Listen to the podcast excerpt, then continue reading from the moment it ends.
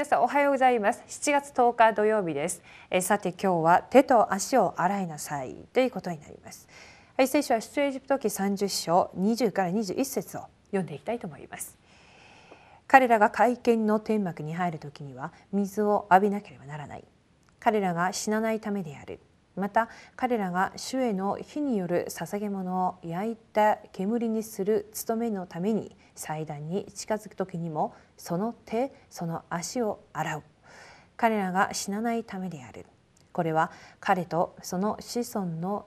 世々にわたる永遠の掟である。はい。あることを始めようとする時どんな考えと目標を持って出発するかが重要です。問題が生じた時間違った考えを持っていたら間違った道へ進むことがあるためです。今日一日を始める前に私の頭を満たしている考えが何か私の始まりを終わりの中で神様が共におられる奥義があるのか点検しなければなりません。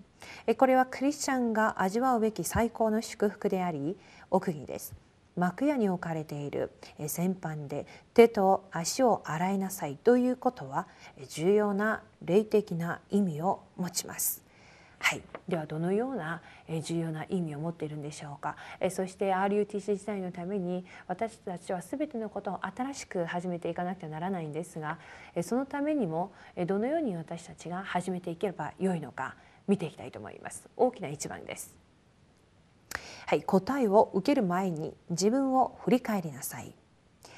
救われた神様の子供が祈りの答えを正確に受ける方法があります。まず自分を振り返って清めることです。聖なる神様の見舞いに進む前に私自身が神様の前でふさわしくない部分があるか見て福音の中に入るのです。私の弱さと不信仰、えー、霊肉の怠慢などがあるならば神様の前に下ろさなければなりません。キリストの十字架の力が私のためであることを信仰によって確認するのです。恐れや悩み罪悪感のようなサタンの通路を信仰とと変え完全に神様の前に進めばよいのです。神様に会う前に先般で洗いなさいとおっしゃいます。キリストイエスの血潮の力だけが私たちを清めることができます。福音を握るということは勝利が与えられる祝福です。はい。今日ですね答えを受ける前に自分を振り返りなさい。そして会見の天幕に入る時には水を浴びなければならないとかまた主への火の捧げ物を焼いて煙にする務めのためにも祭壇に近づく時に手足を洗いなさいという部分があるんですけれども。ではですね私たちがいくら洗いたくてもまたなかなか洗えないという部分があると思います。もちろん結論的には主がイエス・キリストの血潮で全て解決したんですが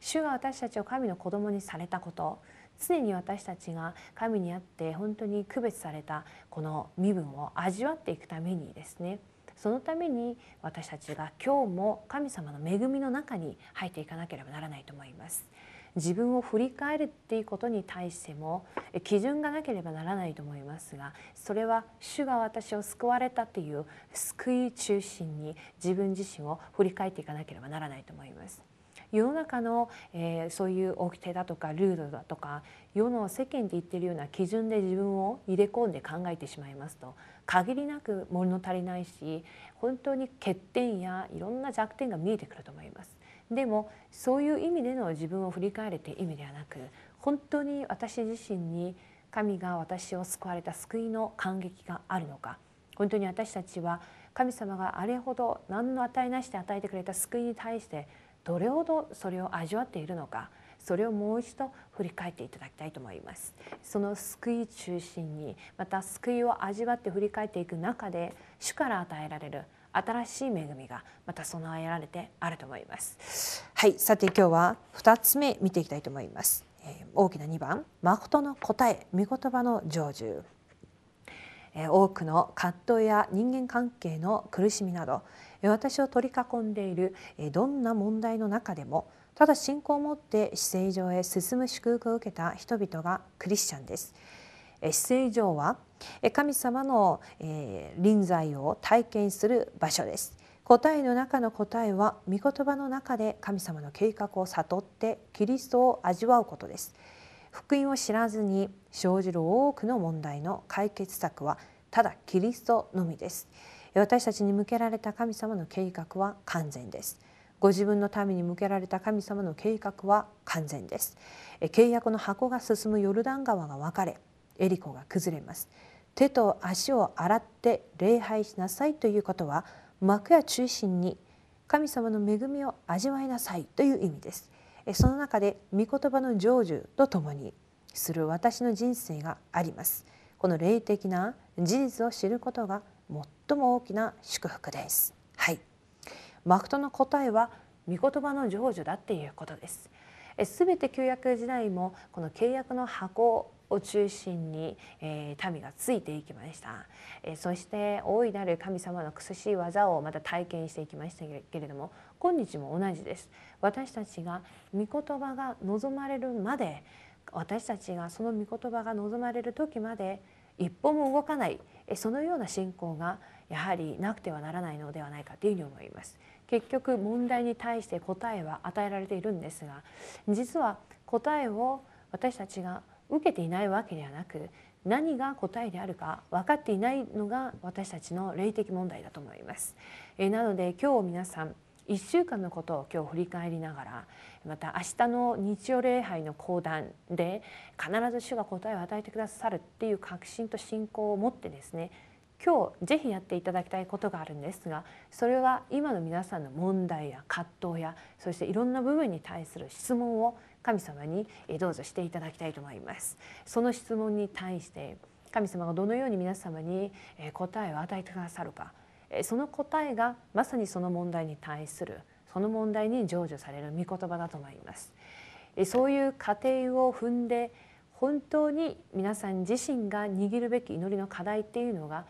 きれいに整理されていくと思います。なのでですね祈りの課題そしてそういう部分祈りの課題がないっていうことは私たちが未来に行ける契約の未来予想図がないということと同じです。なのである意味それは自分のアイデンティティと関わりのある部分ですから皆さんの生涯を左右していける祈りの課題をぜひ発見していただく一日になっていただきたいと思いますしそのために今ある問題から一つずつ皆さん振り返ってみてください。それが結局皆さんを、えー、ローマの福音会へと導いていく大きな道にまた土台になっていくと思います。えー、今日手足を洗うその自分を振り返りながら救いの感激とともにまた新しい恵みを受ける用意をぜひ皆さんしていただきたいと思います。はい、では、えー、今日のフォーラムです。霊的な旋盤で私の手足を洗って礼拝の祝福を回復しましょう。神様の人は他の人の手足を喜んで洗ってあげるくらい恵みと答えの中に入らなければなりません。はい、これこそが最高の、えー、信じる者同士のワンネスではないかというふうに思います。では皆さん、えー、お祈りをして、えー、今日の祈りの手帳を終わりにしたいと思います。はい神様感謝します。今日手と足を洗いなさいっていうふうに言われました。神様今日本当に与えられる御言葉の中で自分を振り返るようにさせてください。そしてまた私に神様から与えられる恵みが誠に味わえているかどうかもう一度自分自身を点検して振り返る一日になるように願います。そして誠の答えである御言の間の成就すべては通り過ぎていきます。そしてすべて残るものは何一つありません。すべてはソロモンの告白のように空の空で終わるものです。ただ残るのは御言葉のみが残ります。神様は御言葉であり御言葉が私たちの中で生きて働く一番大事なものです。なので今日自分に成就される御言葉自分が必ず握るべき御言葉が何であるかを握ることのできる今日になるように願います。